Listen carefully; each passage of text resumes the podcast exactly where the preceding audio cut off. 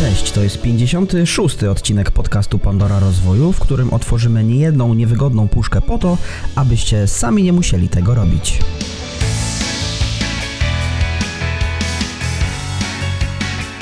W dzisiejszym odcinku porozmawiamy o asertywności. Jak na głos wyrazić swoje zdanie, czy w związku można postawić na swoim i jak traktować klienta, który nie chce z nami współpracować.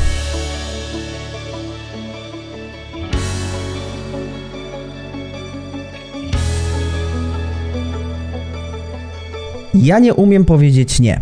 Takie zdanie bardzo, ale to bardzo często pada w gabinetach terapeutycznych. No i z tego co wiem, a ja wiem takie rzeczy, no to e, trening asertywności jest bardzo, ale to popularnym, e, bardzo popularnym przypadkiem w gabinetach terapeutycznych zaraz po depresji i zaburzeniach lękowych. No i dzisiaj właśnie o tej asertywności troszkę porozmawiamy, bo to temat ważny, temat istotny, temat, o który błagało na kolanach nas miliony Polaków. W związku z tym odpowiadamy na ich pytania. Dzień dobry, drogi Dawidzie, w misiowej bluzie. Dzień dobry, tak, to jest taka, wiesz, typowo zimowa, żeby było mi cieplusio, e, a że zbliżamy się powoli do końca sezonu, to muszę się dogrzewać, wiesz, to już jak jesteś na takich e, no wyścigach tak, Formuły tak. 1, no to też na końcówkę, jak to się mówi w wyścigu, zmieniasz ogumienie, żeby ta przyczepność, to wszystko było takie dobre, a wiadomo, że jak ogumienie jest nagrzane, to lepiej się trzyma, prawda? Więc e, ja się też dogrzewam i myślę, że temat bardzo ważny. Asertywność, czyli mówienie takiego, jak ty powiedziałeś, w dużym uproszczeniu, mówienie nie, bo to nie zawsze asertywność wiąże się z mówieniem nie, jak wielu ludziom się wydaje. Natomiast e, jest to niezwykle ważne. Ja przez wiele lat swojego życia miałem problem na przykład z określeniem własnych potrzeb i często na nie zwracałem uwagi. Dopiero po czasie to zrozumiałem, a co dziwne, w biznesie dopiero stosunkowo niedawno nauczyłem się określać rzeczywiście pewne granice, których staram się już nie przekraczać, bo na początku bywało różnie, także zamieniam się słuch, nie mogę się doczekać. E, mam nadzieję, że przynajmniej raz w tym podcaście powiem Ci nie, nie zgadzam się, nie, nie odpowiem na to pytanie, albo zresztą zobaczymy, co przygotowałeś. Dobrze, wobec tego zaczynamy 56 odcinek Pandory Rozwoju. Ja w tym przypadku, co ciekawe, nie będę cytował statystyk. A dlaczego? Okazało się, że szukałem, szukałem, szukałem. Znalazłem jedno badanie jakieś Cebosu z 2011 roku, ale mnie się ono nie podobało. Nie przeszło moich standardów metodologicznych, w związku z tym nie będę go cytował. Znalazłem inne badania na stronach amerykańskich i ogólnie wypisałem sobie z nich kilka wniosków. Po pierwsze, badania pokazują, że kobiety są mniej asertywne od mężczyzn i to jest wniosek na podstawie metaanalizy tam kilkudziesięciu badań, więc to taki wniosek bardzo no, bardzo naukowe, tak bym to powiedział. Osoby starsze są mniej asertywne od osób młodszych i tu ciekawe było badanie, w którym się okazało, że osoby młodsze częściej kradną rzeczy z pracy, częściej na przykład wykorzystują jakieś narzędzia z pracy do swoich celów osobistych i tak dalej. No i też ciekawa rzecz, w sumie chyba nie zaskakująca, że osoby asertywne częściej osiągają sukces. To są takie trzy główne statystyki na a propos różnic indywidualnych i też różnic płciowych. E, jak ci się podobają i czy ty jesteś asertywny w ogóle? Ja może zamiast odpowiedzenia na to twoje pytanie, zacznę od pytania, bo tam użyłeś taką Dobrze. statystykę, że młodzi ludzie no. wykorzystują narzędzia pracy do celów prywatnych. Więc ile razy wykorzystałeś nasze narzędzia firmowe do celów prywatnych? Wiesz co? Kilka razy to jest, wykorzystałem. To jest w ogóle presupozycja, tak by the way, bo ja nie zapytałem, tak, tak, czy wykorzystałeś, tylko tak, ile tak, tak. razy wykorzystałeś. Więc tak dla słuchaczy zwróćcie uwagę też na lingwistykę, bo odpowiednie zadanie pytania od razu może nam dać odpowiedź. To jest tak, tak jak zresztą słyszałem, że na niektóre pytania nie da się odpowiedzieć ani tak, ani nie. No są takie. I nie będę zadawał tego pytania, ale możecie się domyśleć, o jakie chodzi. W każdym razie, no. ile razy? E, wiesz co, no chyba z pięć. Dziesiąt? Tak? nie, 50 to nie. Okej, okay, nie, nie, no nie, tak, nie. tak szczerze to jakby dla mnie te badania jakby nie są jakimś wielkim odkryciem, bo wydaje mi się, znaczy fajnie, że one są zrobione i potwierdzone jest to, co ja też jakby wiem i widzę, że rzeczywiście kobiety według mnie, no nie patrz takim poziomem, po prostu widać to ewidentnie, że kobiety znaczy, są no ja mniej też, asertywne, ja też, tak, tak, no. mniej asertywne od, od mężczyzn i to widać gołym okiem w wielu różnych kontekstach. Wynika to prawdopodobnie z wielu różnych czynników i tych wychowawczych i kulturowych, trochę i wiadomo, że jest taki trend dążący do równouprawnienia i to też z tego może wynikać, że te kobiety chcą, ale gdzieś podświadomie mają jeszcze zainstalowane, że mogą być w cudzysłowie, oczywiście używam słowa cudzysłowie, to nie jest moja opinia ani zdanie, mogą czuć się gorsze. W sensie używam takiego sloganu, który jest gdzieś e, powszechnie używany przez kobiety, że my nie jesteśmy gorsze, my chcemy być fajniejsze, my chcemy być równe i tak dalej.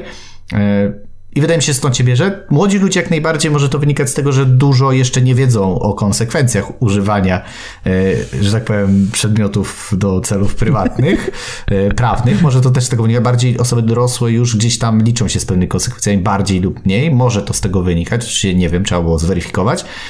No to ostatnia statystyka, że ludzie asertywni odnoszą większe sukcesy, czy tak, czy nie, ciężko jest mi to określić, bo nie znam wszystkich ludzi, którzy odnieśli sukces, czy rzeczywiście tacy byli. Niemniej jednak z mojego subiektywnego doświadczenia, czyli to, jak ja patrzę przez tego, co ja w życiu osiągałem, to w momencie, w którym nie byłem asertywny, czyli nie znałem swoich potrzeb, nie znałem swoich granic, nie potrafiłem odpowiadać w cudzysłowie to nie, to mhm. rzeczywiście gdzieś ta moja kariera szła bardzo do przodu, ale wolno. W sensie bardzo w ścimaczym tempie i dużo miałem różnych takich sytuacji, które były bardzo dla mnie niekomfortowe, były trudne, powodowały często jakieś konflikty, często potem było takie, wiesz, ja jeszcze jestem taką osobą, która ma taki ze struktogramu, z takiego badania, że tam pokazuję ci, jakim jesteś kolorami. I to jest taka szwajcarska metoda. I powiem ci, że to jest jedno chyba z nielicznych takich ankiet, badań, jakiejś osobowości, bo ja bardzo sceptycznie do tego podchodzę, która w mnie, w mojej ocenie wydaje się najbardziej taka spoko. W sensie użyję takiej gonciarzowej nomenklatury. To jest takie spoko. W sensie nie robi jakiegoś wielkiego wow, ale jeżeli już miałbym wybrać ze wszystkich, które gdzieś tam są diski, nie diski, jakieś cuda na kiju, no to ten struktogram jakoś mi tak najbardziej siedział. Był taki widać, że jakoś, nie wiem, nawet te, te pytania były takie w miarę okej, okay, nie były takie tendencyjne, jak to się mówi. I rzeczywiście dużo mi pokazało, bo tam wyszło mi, tak już ci abstrahując, bardzo streszczając, upraszczając, wyszło mi, że mam podwójną dominację czerwonego i zielonego. I to się zgadza. Bo to w teście ci wychodzi, a potem analizujesz wynik.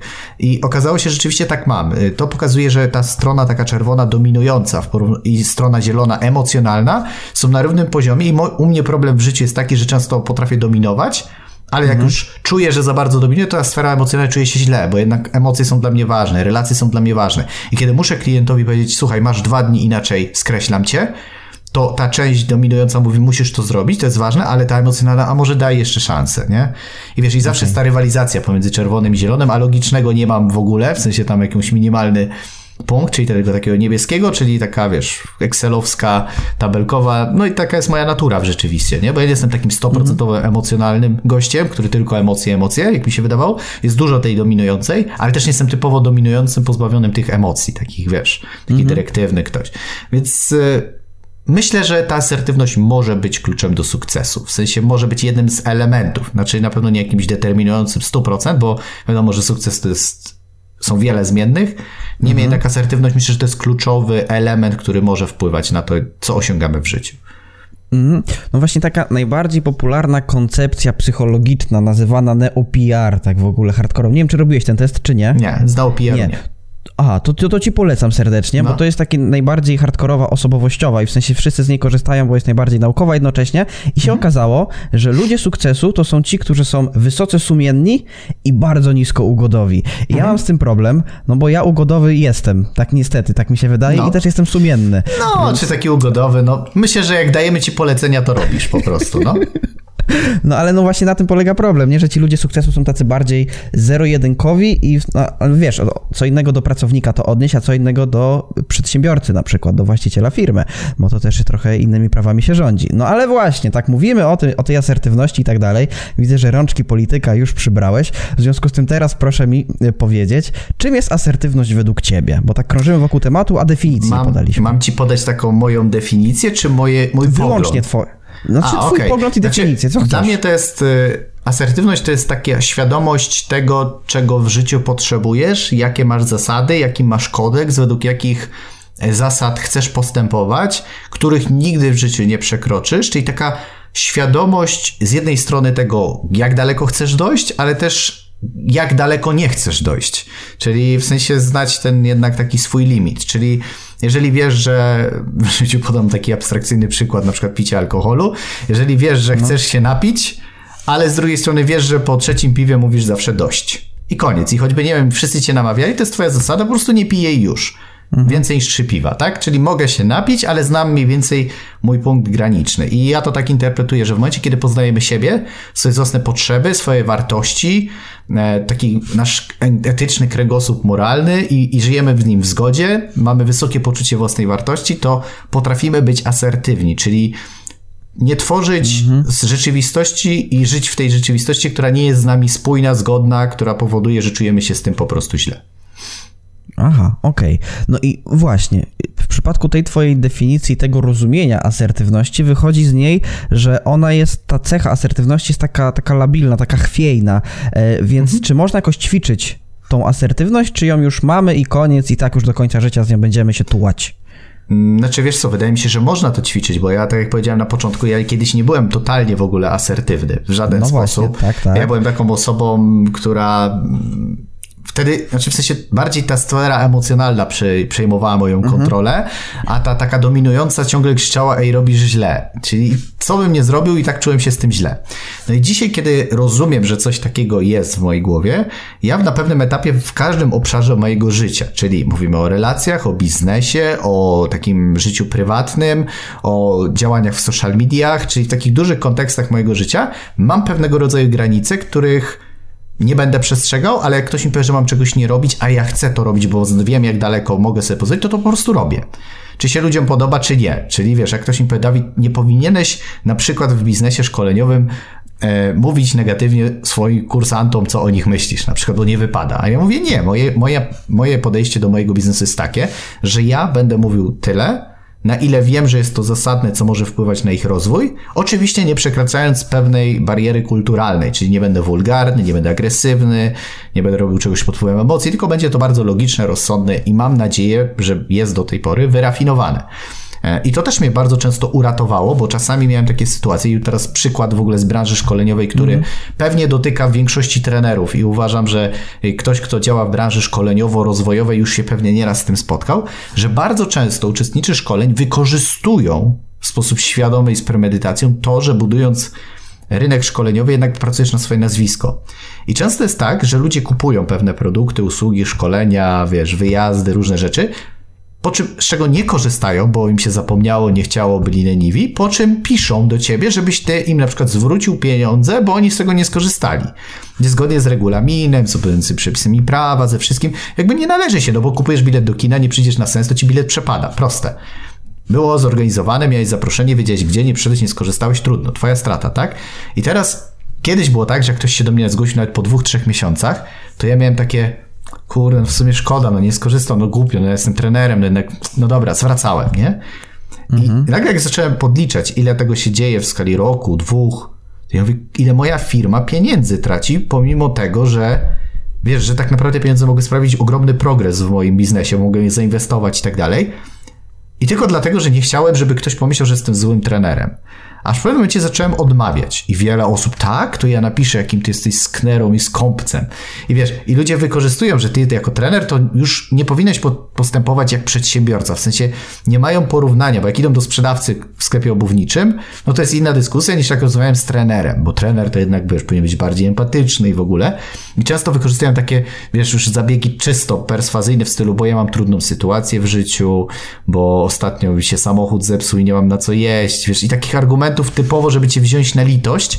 I ja rozumiem czasami specyficzne przypadki. Natomiast biznes mnie nauczył, że w momencie, w którym ta moja asertywność ogranicza się do tego, że mówię, nie ma zwrotów, jeżeli nie jest to zgodne z regulaminem, i w tym momencie ja sobie to wyperswadowałem na zasadzie, że dając komuś krzywdzę samego siebie.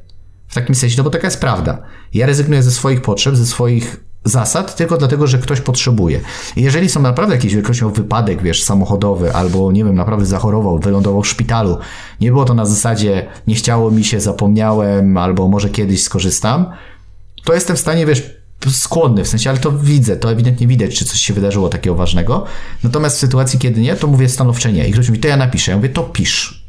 Tylko pamiętaj, że jak napiszesz, nie napiszesz prawdę, to ja w tym momencie wyślę ci pismo o zaprzestanie z artykułu 212 kodeksu cywilnego, czyli pomówienie, zniesławienie i takie różne tam, a jak nie, to na policję do prokuratury pozew kosztuje tylko 300 zł, a zadośćuczynienie i publiczne przepraszanie jest całkiem przyjemne. Już kilka razy niektóre osoby musiały mnie publicznie przepraszać za rzeczy, które nie powinny być napisane, a które napisały, bo myślały, że tak wywierą presję, żeby zarobić 200-300 zł za jakiś tam kurs czy coś. Mhm. I to jest właśnie asertywność, kiedy znasz swoje zasady, swoje potrzeby, one są z tobą spójne, ale przy okazji ty kogoś nie krzywdzisz w sposób celowy, z premedytacją. Tylko po prostu trzymasz się swoich zasad i jest to jakby zgodne z pewną polityką przyjętą w twoim życiu. No dobrze, no to w takim razie jak wypracowałeś tę asertywność i jak to zrobić mogą nasi słuchacze i widzowie, czyli jak ćwiczyć asertywność i być bardziej asertywnym na co dzień? Znaczy wiesz co, zacząć od prostych rzeczy. Czyli zacząć nawet nie od tam mówić klientom, bo to już takie, wiesz, emocje, biznes, pieniądze, wszystko, tylko zacząć od prostych rzeczy, czyli ustal sobie pewne granice w domu, których będziesz zawsze przestrzegał. Czyli jeżeli sobie określisz pewne zasady, bo to jest zgodne z twoimi potrzebami, w twoim takim normalnym życiu, jak ja to mówię, codziennym, to będzie ci dużo łatwiej przenieść to na inne konteksty, właśnie relacyjne, wiesz, biznesowe i tak dalej. Na przykład dla mnie Fajną rzeczą było to, kiedy nauczyłem się, i tutaj była też ta motywacja, żeby czyścić e, z prysznica tą taką ściankę. Wiesz, żeby ściągać wodę. I tak teraz, powiem Ci, jestem tak, szukam już rozwiązania kolejnego, bo teraz y, mam tak, że jest jakaś, nie wiem, woda strasznie taka, mm, nie wiem, jak się twarda nazywa? No tak w sensie, i, I robi się ten kamień tak czy siak, czy ściągasz tą wodę, czy nie, i tak się ten kamień no siada i trzeba co jakiś czas po prostu to czyścić takim specjalnym tym. Niemniej jednak, jak wiele razy chciałem od tego zacząć, powiedziałem, że ja nie będę w stanie samemu sobie powiedzieć, Dawid, po prysznicu ściągasz tym, to ja nie będę w stanie powiedzieć klientowi, że ma zapłacić tyle i tyle do tego i do tego, bo inaczej to, to i to. Więc jeżeli ja sobie samemu nie potrafię dać pewnych granic, które muszę przestrzegać, to jak ja chcę to potem przenieść i oczekiwać tego samego od innych ludzi, żeby oni przestrzegali moich zasad, nie?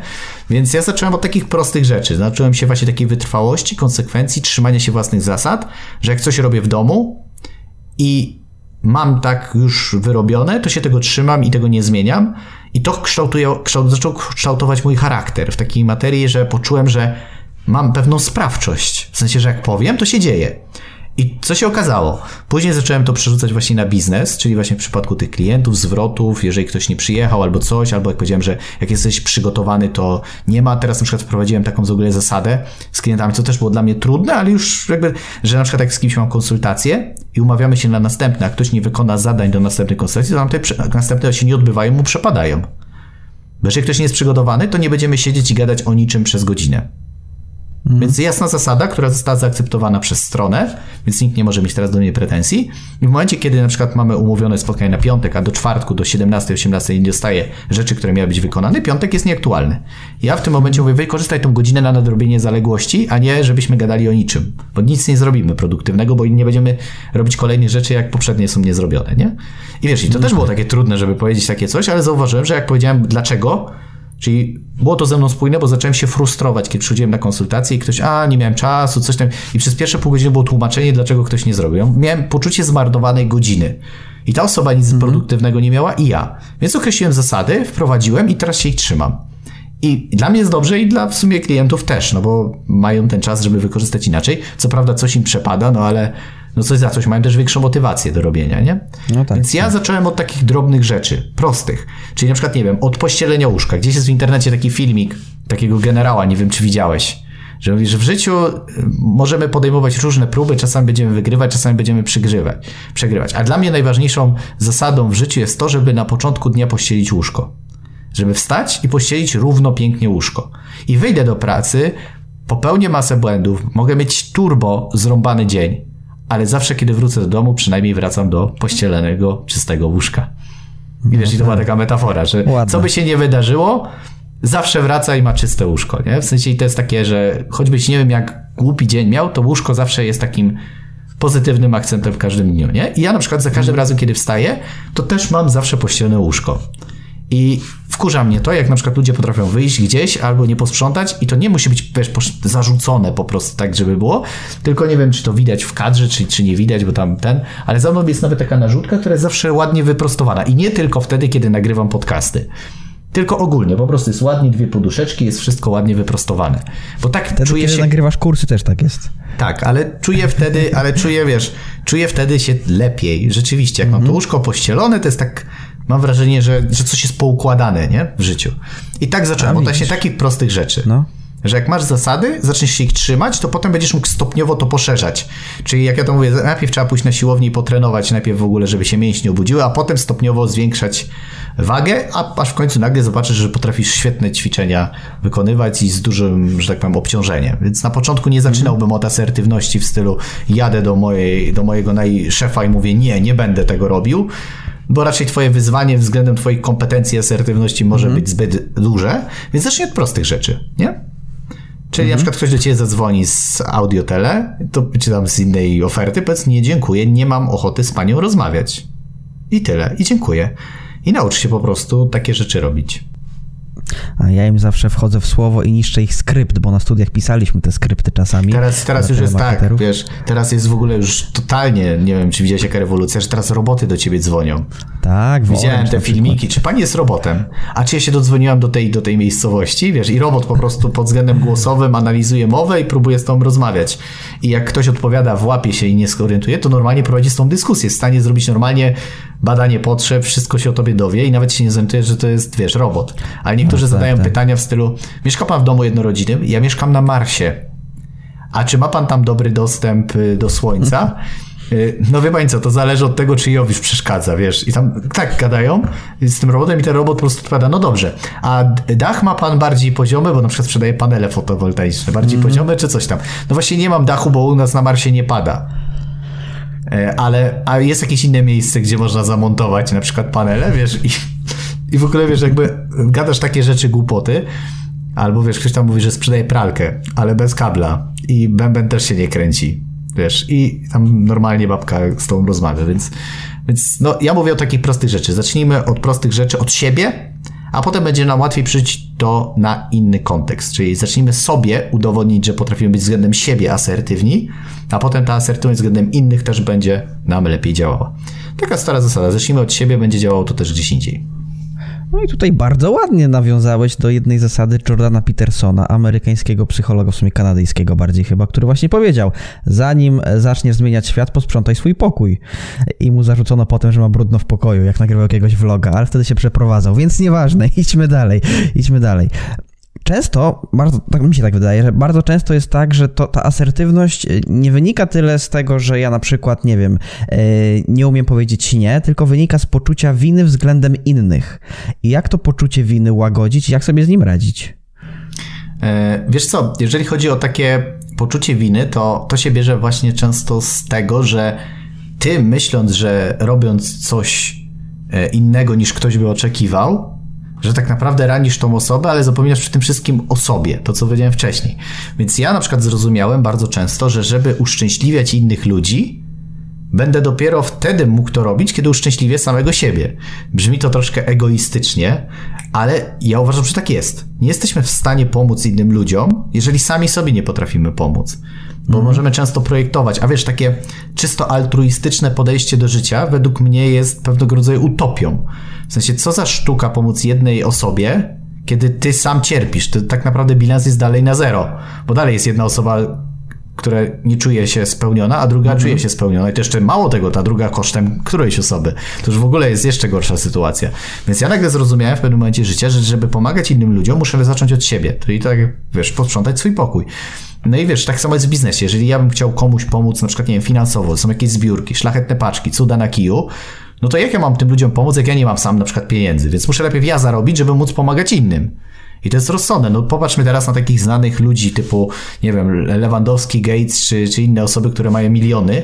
No to taka osoba przekazać, nie wiem, 100 czy 200 tysięcy na jakąś charytatywną zbiórkę, to dla nich to jest żaden pieniądz, ale oni sobie mogą na to pozwolić, bo sobie na to zapracowali. A ktoś, kto zarabia, nie wiem, 3000 złotych, załóżmy, i wiesz, jeszcze ma na utrzymaniu dziecko i tak dalej, no to jak on ma jeszcze pomagać ludziom? Fajnie jest pomagać. Ja wiem, że te osoby też często gdzieś tam jeszcze są w stanie pomóc i to jest w ogóle fan, fantastyczne, ale też pamiętajmy o tym, że no tak. jeżeli byśmy te pieniądze zainwestowali troszeczkę w siebie, poświęcili niby te pół roku bez pomocy, ale byśmy je fajnie zmonetyzowali, to byśmy zarabiali 4-5 i w tym momencie już mamy znowu więcej na tą większą pomoc, prawda? Mhm. Więc ja uważam, że to poczucie winy bierze się z tego, że my często o sobie zapominamy i myślimy, że inni ludzie też tak mają.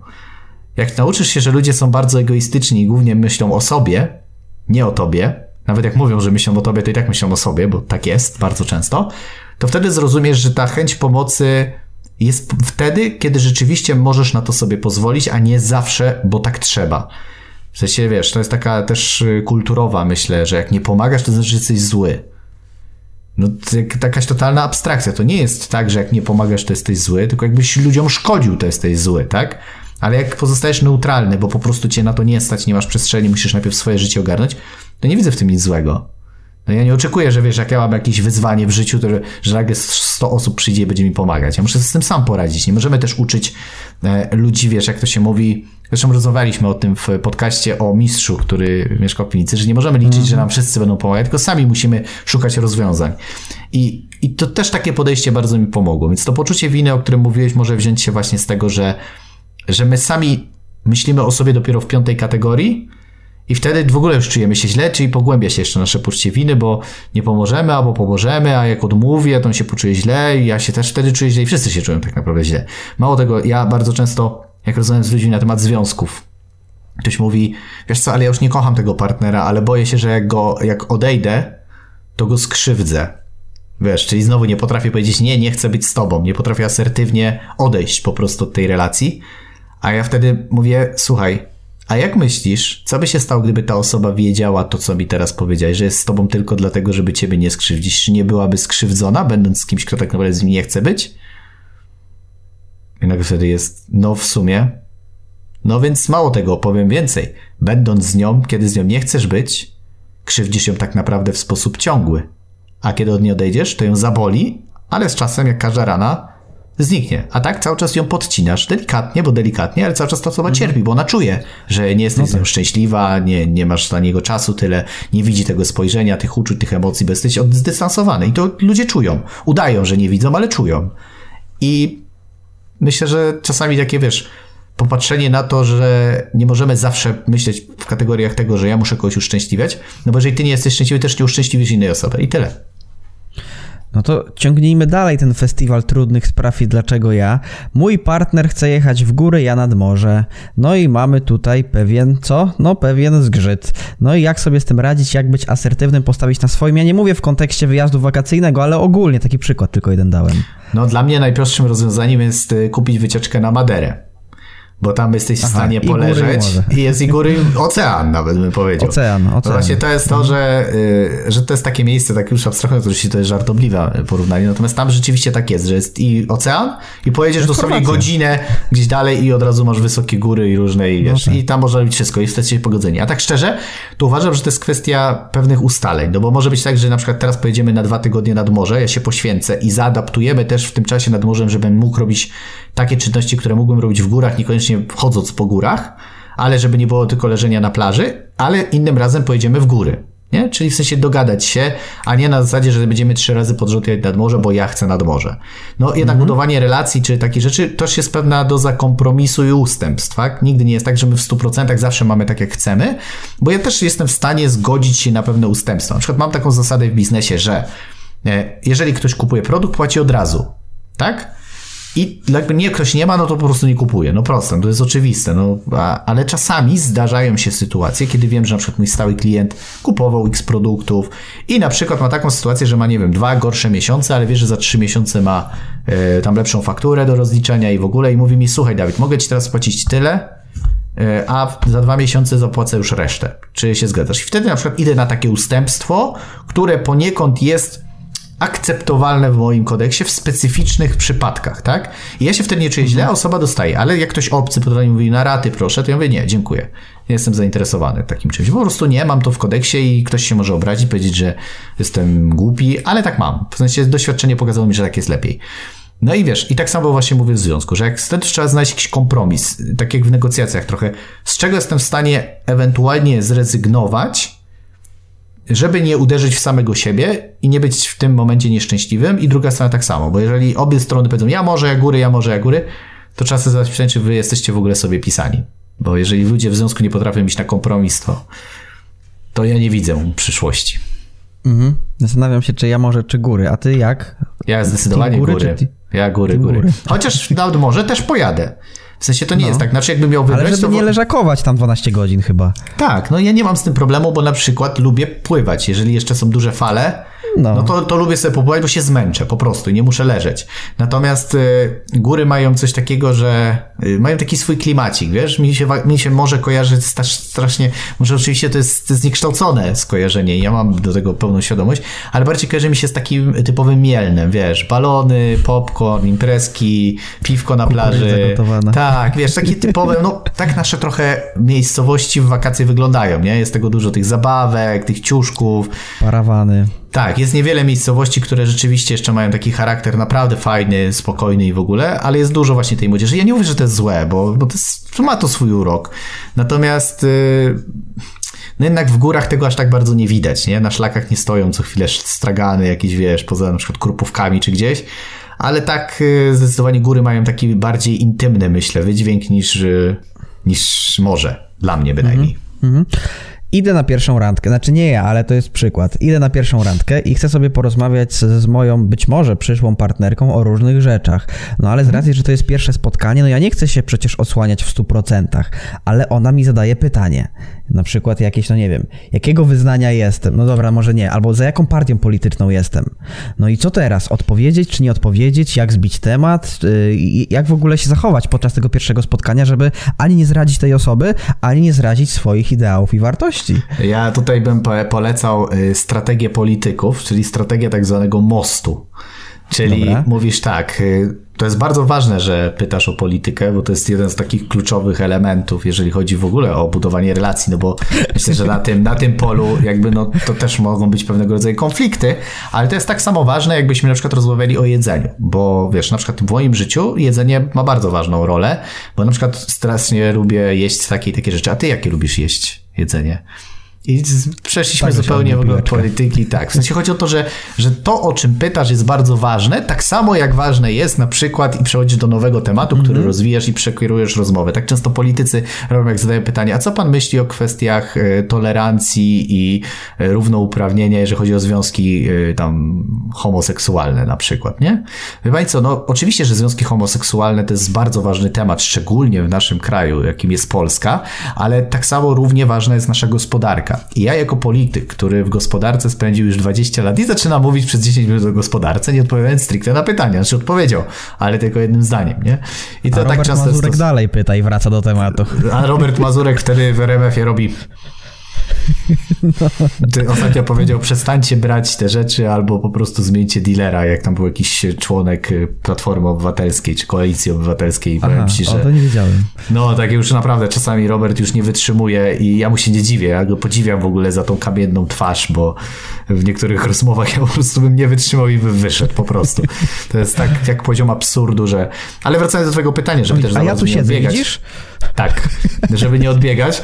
No, ja myślę, że, że warto nie bać się powiedzieć, że kwestie polityczne to jest temat oczywiście bardzo istotny, ale myślę, że nie na pierwszym spotkaniu, więc po prostu porozmawiamy o czymś mniej, e, że tak powiem, wiesz, no chyba, że ktoś ma taki, dla niego jest to na przykład ważne, w stylu, e, ale drugiej randki nie będzie, jak jesteś zapisem na przykład, nie? Wiesz, i ktoś po prostu ostentacyjnie ci no, powie, no to no, wtedy no. możesz powiedzieć rzeczywiście, jeżeli ktoś ci kawa na ławę powie, potrzebuje nie dyskusji na ten temat, ale jasnej deklaracji, to wtedy na przykład mówisz, nie, nie jestem zapisem. Okej, okay, dobra. Nie ma dyskusji. Nie trzeba rozmawiać dalej, dlaczego, po co, czemu i tak dalej. Tylko na przykład ktoś potrzebuje takie, to nie widzę w tym problemu, żeby po prostu powiedzieć. Mhm. Jeżeli nie chcesz, a ktoś pyta, no to widocznie to też nie jest osoba dla ciebie. Ale ja bym po prostu mhm. powiedział. Jeżeli to by było tak ważne, to bym powiedział, ale nie rozwodziłbym się. W sensie nie prowadziłbym dalej w tym temacie. Jakbym spotkał się z lewicową aktywistką i bym o to zapytała, to bym powiedział, nie, nie jestem zapisem, jestem za Konfederacją. Wtedy było jeszcze zabawniej chyba. No ale dobra. E, ja no. wiem, że podczas wystąpień publicznych są takie sztuczki, bo ty o nich mówiłeś tam 18 chyba tych sztuczek na odwracanie tematu, czy coś takiego, tak? Dobrze pamiętam, czy źle pamiętam? Czy 20? Chodzi o to, że ktoś zadaje pytanie, a ty nie chcesz na nie odpowiedzieć, ale na nie jakoś odpowiadasz inaczej. Znaczy, chodzi o to, że jest 20 sposobów, co możesz zrobić z pytaniem, które sposobów. trafia do ciebie z publicznością, bo wielu, znaczy od publiczności, w sensie jest tak, że często jak pada ci pytanie, to wielu ludziom wydaje się, że od razu muszą na nie odpowiadać. No tak. A jest 20 sposobów. Zapytać, co o tym myślisz, tak? To jest jeden z Na przykład sposobów. odwrócić pytanie, a co o tym myślisz? No, no, no, no. okej, okay, okej, okay, dobra, dobra. No i właśnie chciałem o to zapytać, no bo tutaj wiemy, że dużo ludzi e, przecież obserwuje ciebie z tego względu, że jesteś trenerem wystąpień publicznych. Najlepszym no trenerem wystąpień publicznych w Polsce, zapomniałeś Najlepszym dodać. trenerem wystąpień publicznych w Polsce, w okręgu 16 województw. Nawet bym powiedział bezapelacyjnie. Y, i bez żadnych w ogóle wątpliwości. Bez żadnych wątpliwości. Dobrze, bezapelacyjnie, bez żadnych bo wątpliwości. Bo wiesz, bo piwo Carlsberg jest prawdopodobnie najlepszym piwem na świecie. No tak, tak, tak, a tak, ja tak. jestem na pewno najlepszym trenerem w Polsce od To jest ta subtelna Nawet tu już, już to prawdopodobnie zostało dawno usunięte z, mojego, No z mojej świadomości. Także Dobrze, pozdrawiam dobrze. konkurencję. No, jeszcze te lata wam zajmą, aż mnie dogonicie. No, ale dobra, świetne, to tyle, to jeszcze- tak, to tyle z ciekawe. narcyzmu. Tak. Dobrze, dobrze, dobrze. To skoro skara narcyzmu wywaliła już poza barometr, no to idźmy dalej, idźmy dalej. Y, No to właśnie, wydaje mi się, że wiele ludzi, którzy oglądają ten podcast, no to chcą usłyszeć jakieś ciekawostki a propos tych wystąpień publicznych i powiedz mi o tematach, których nie warto poruszać podczas wystąpień publicznych, ewentualnie o sytuacjach, gdzie podczas szkoleń na przykład ktoś cię zapytał o to, nie wiem, czy wierzysz w Boga, albo czy właśnie czy jesteś zapisem, coś takiego i jak ty te piłeczki odbijałeś i czy w ogóle je odbijałeś? Znaczy wiesz co, pierwszą rzeczą, zanim powiem czego nie wypada, to też zależy, tak jak powiedziałem na początku, od własnych preferencji. W sensie ty sam możesz pozwolić na ile możesz sobie pozwolić. Na przykład w kwestii religii, generalnie nie zalecam dyskusji na temat religii, w sensie wprowadzić, ale na przykład nie mam problemu, jeżeli ktoś mi zada, czy jestem osobą wierzącą, czy wierzę w Boga, czy jestem katolikiem. Znaczy, jak mi ktoś zada takie pytanie zamknięte, na zasadzie odpowiem tak, nie, wierzę, nie wierzę, wiesz, bez zbędnej jakby dyskusji, to w tej materii na przykład nie mam problemu, żeby odpowiedzieć, ale nie będę o tym dyskutował. Jeżeli ktoś chce porozmawiać, to zapraszam po szkoleniu, możemy sobie usiąść przy kawce, możemy o tym podyskutować, ale uważam, że rozmawianie o religii z jakąkolwiek jedną osobą przy widowni niczego nie wniesie do naszego wykładu, czy do postrzegania świata w ogóle jako takiego, bo to nic nie zmieni, tak?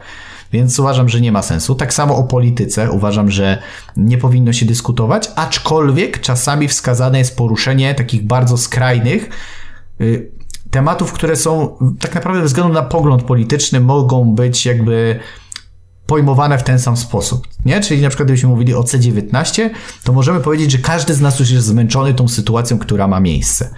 I to nie jest żadne, no bo taka jest prawda, no bez względu na to, w której tak po, politycznej sferze jesteś, no każdy jest zmęczony, ci od prawa do lewa, każdy już też by chciał, żeby to już w jakiś sposób albo się skończyło, bo są za tymi obostrzeniami, albo się nie, znaczy, albo żeby się nie zaczynało, bo na przykład są przeciwni. No W tak. sensie, no, więc, Tak. jakby bez względu na to, z takim zdaniem każdy się zacznie i to jest jakieś zdanie polityczne, powiedzmy, bo ta cała sytuacja już się dawno zrobiła polityczna. No i wiesz, wydaje mi się, że właśnie tu trzeba określić sobie samemu granicę. Kiedyś uważałem, że nie warto poruszać tematów seksualnych, na przykład intymnych, aczkolwiek okazało się z wyniku moich doświadczeń, że metafory związkowo-seksualne są najlepszymi metaforami dla szerokiej publiczności. Wszyscy je rozumieją. Działają.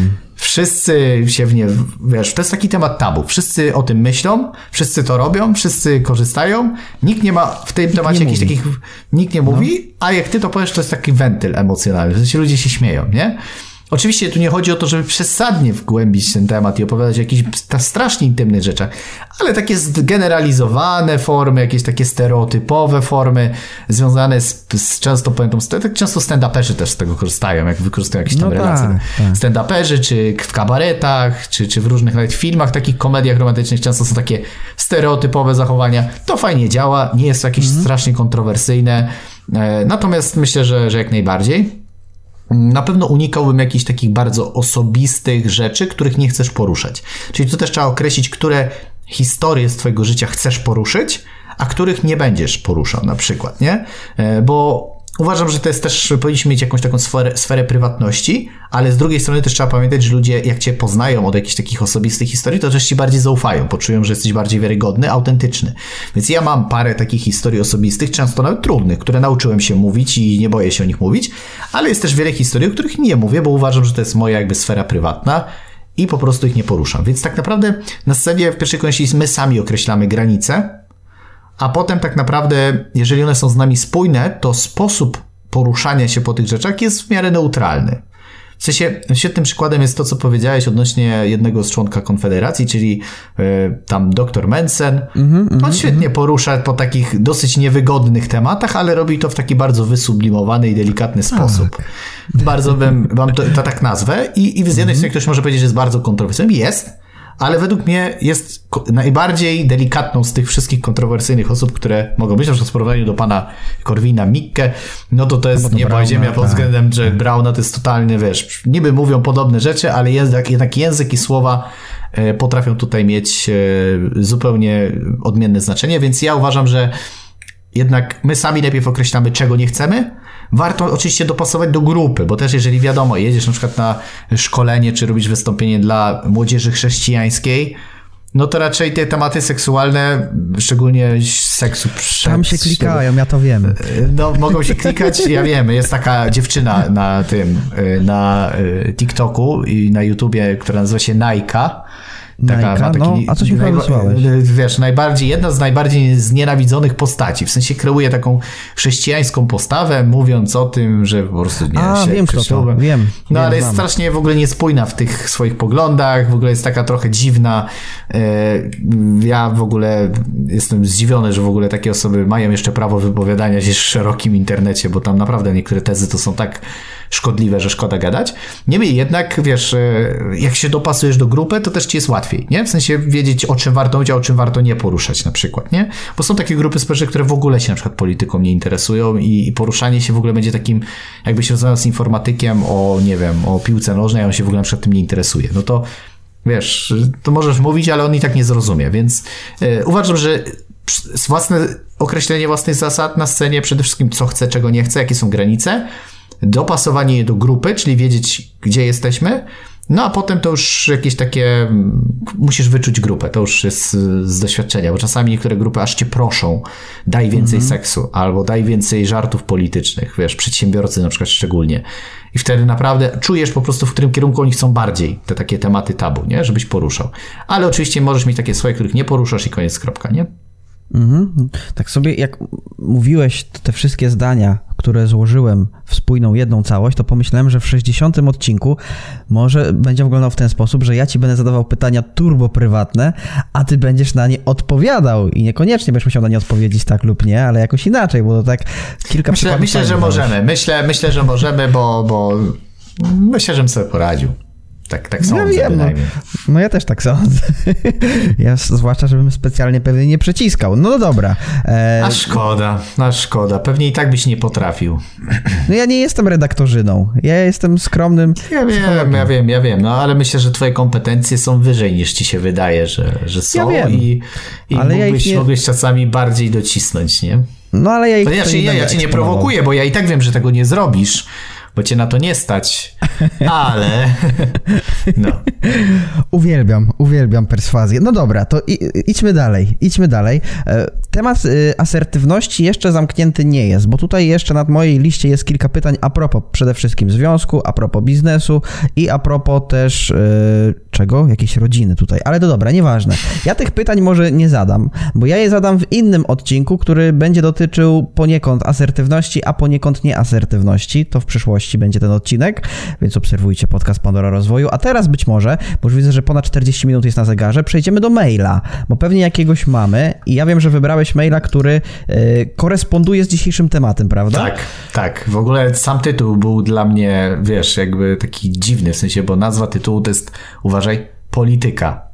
Patryk Wega do ciebie napisał po prostu. Ja wiesz, ja mówię, kurczę, jakaś premiera filmu, albo, albo w ogóle, że pewnie jakieś szkolenie ktoś chce może, żebym zrobił dla polityków. A, no Chociaż tak. już kiedyś szkoliłem e, polityków w pewnej partii. Niemniej jednak, Której uwaga, partii? Której partii? E, przeczytam może maila, bo bardzo przeciągamy dzisiejszy podcast, a nie chciałbym jednak naszych słuchaczy, wiesz, tutaj, e, wiesz, zanudzać kolejnymi historiami, okay, które okay. nic nie wniosą do naszego życia, a jednak mail może być bardziej, tak, bardziej przydatny. Cześć, zastanawiam mnie, Dawid, komu kibicujesz w polityce? Nie. Skoro znasz te wszystkie sztuczki wizerunkowe i techniki wywierania wpływu podczas wystąpień, to pewnie śmieszą cię Cię pisze się z dużej litery, kolego. Niektóre zabiegi wykorzystywane przez polityków. Pytanie, jaki jest takie, czy można uwierzyć w jakiejkolwiek partii, kiedy oni wszyscy są tak wyszkoleni i mało prawdziwi. Ciekawe mnie twoje prywatne poglądy, możesz o nich więcej opowiedzieć w filmie? Kamil. Kamilu. Więc ja powiem, że polityka jest bardzo ważnym elementem w naszym życiu, tak samo jak na przykład podejście do szacunku i do relacji na przykład ze swoimi rozumiem, widzami. Tak? Generalnie wiesz, jakby szanuję to, że na przykład ludzie poświęcają czas, oglądają, wysyłają maile. Jest to bardzo istotne, więc y, myślę, że jak kiedyś poznamy się prywatnie, bo w ogóle poznawanie się prywatnie jest dużo lepszą formą e, odpowiadania na pewnego rodzaju pytania, to wtedy udzielę tej odpowiedzi. Niemniej jednak, odpowiadając na Twoje pytanie, czy mnie śmieszą e, niektóre e, rzeczy, ja Ci powiem tak, że większość polityków jednak to nie są wyszkoleni ludzie. Wielu z nich po prostu taka jest.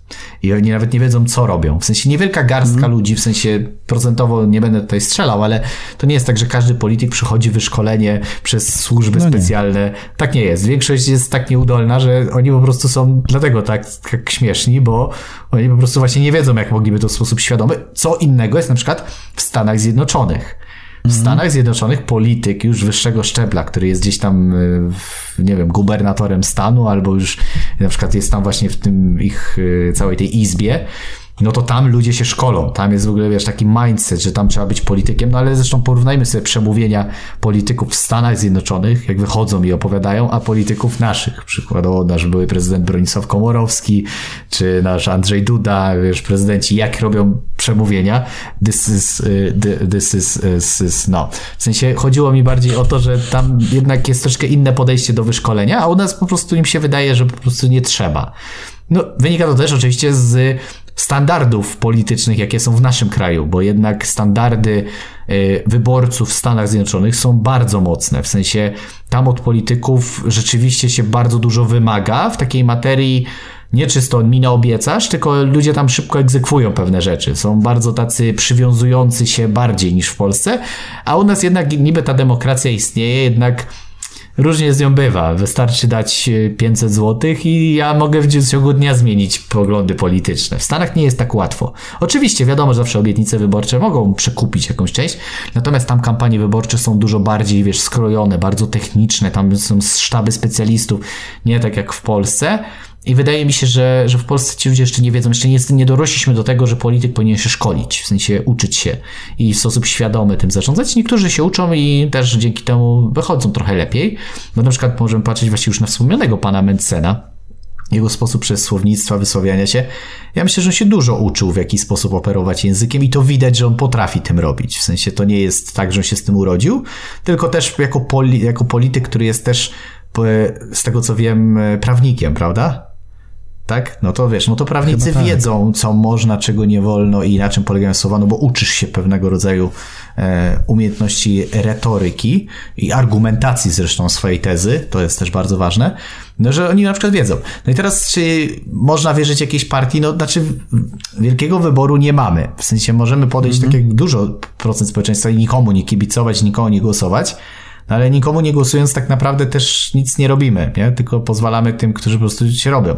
Więc ja uważam, że trzeba zawsze, może to zabrzmi brzydko, ale wybrać mniejsze zło. W sensie zadać sobie pytanie nie tyle, ile dostanę, ale jak mi ktoś może bardziej zaszkodzić w takiej materii. Ja do tego tak podchodzę, no bo wiesz, ja jestem z tego pokolenia i mam taki mindset, że ja sobie na wszystko sam zapracuję, tylko żeby mi nikt nie przeszkadzał.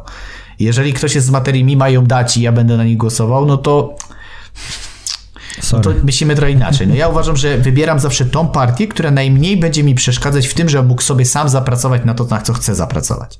Więc jeżeli ktoś mi nie będzie dokładał, nie będzie mi zabierał, wiesz, i tak dalej, ja sobie mam sam zapracować, a nie będzie mi konkretnie dawał jakichś pieniędzy, to dla mnie to nie ma problemu. Ja tego nie no potrzebuję. Dobrze, no to gospodarczo wiem, za kim byś głosował. No a światopoglądowo?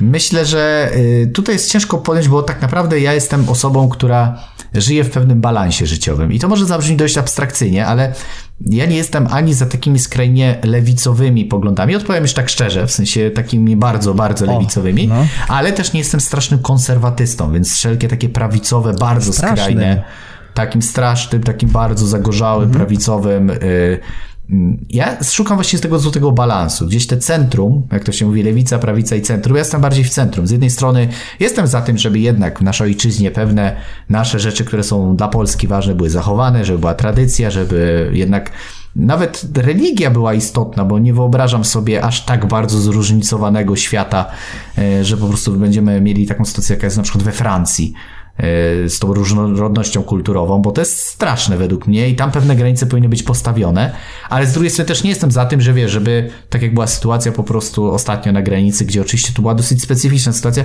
żeby też nikogo na przykład do nas nie wpuścić, nikomu nie pozwalać, tylko z określonymi zasadami, z poszanowaniem dla drugiego człowieka, z akceptacją odmienności poglądów i tak dalej. Więc y, ja bym raczej starał się znalezienia złotego środka, aniżeli popadania w skrajności. Ja już wielokrotnie na moich podcastach mówiłem, że Każda skrajność według mnie jest szkodliwa. Każda.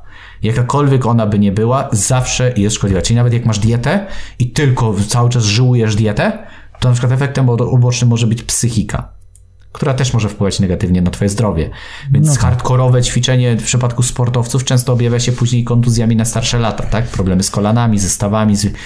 Wiesz, każdy podejmuje jakby świadomie decyzje, ja nikogo do niczego nie namawiam, natomiast ja jednak nauczyłem się żyć w balansie.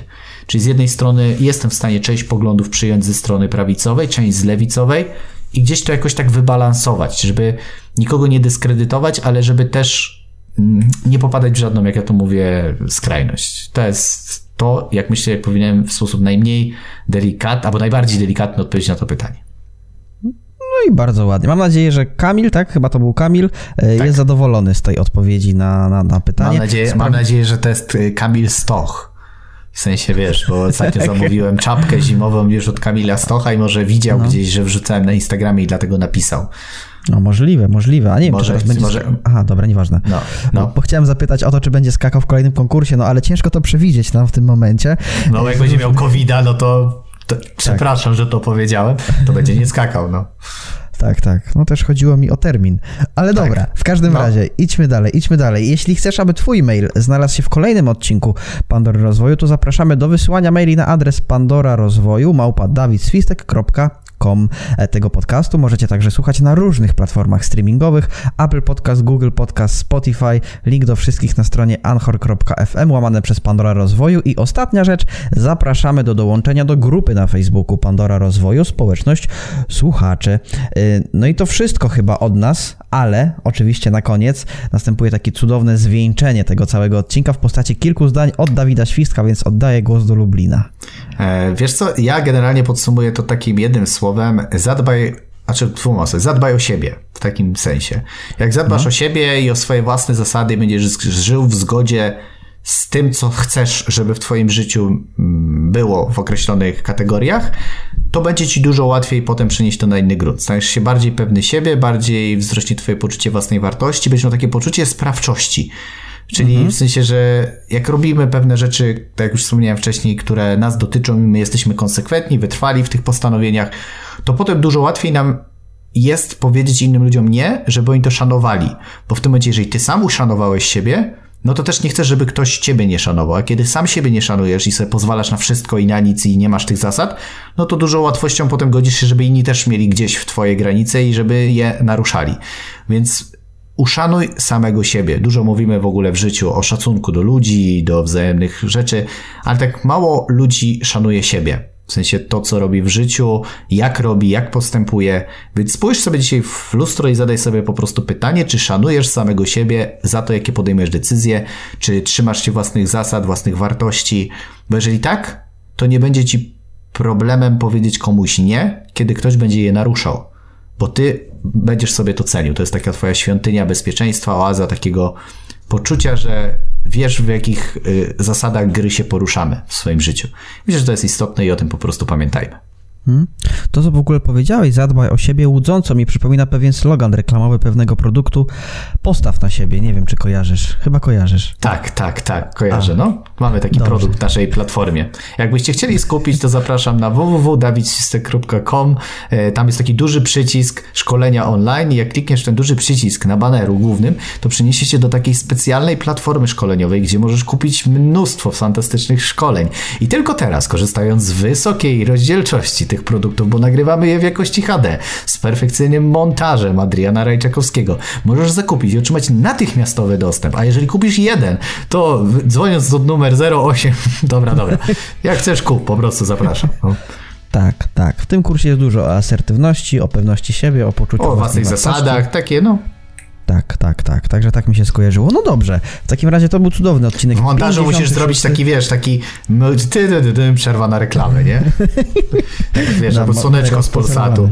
Tak. tak. Tak, tak, dobrze, dobrze. To, to, to dziękuję za rozmowę i żegnamy się z widzami, słuchaczami. Do zobaczenia i do usłyszenia w kolejnym odcinku Pandory Rozwoju. Do zobaczenia i do usłyszenia.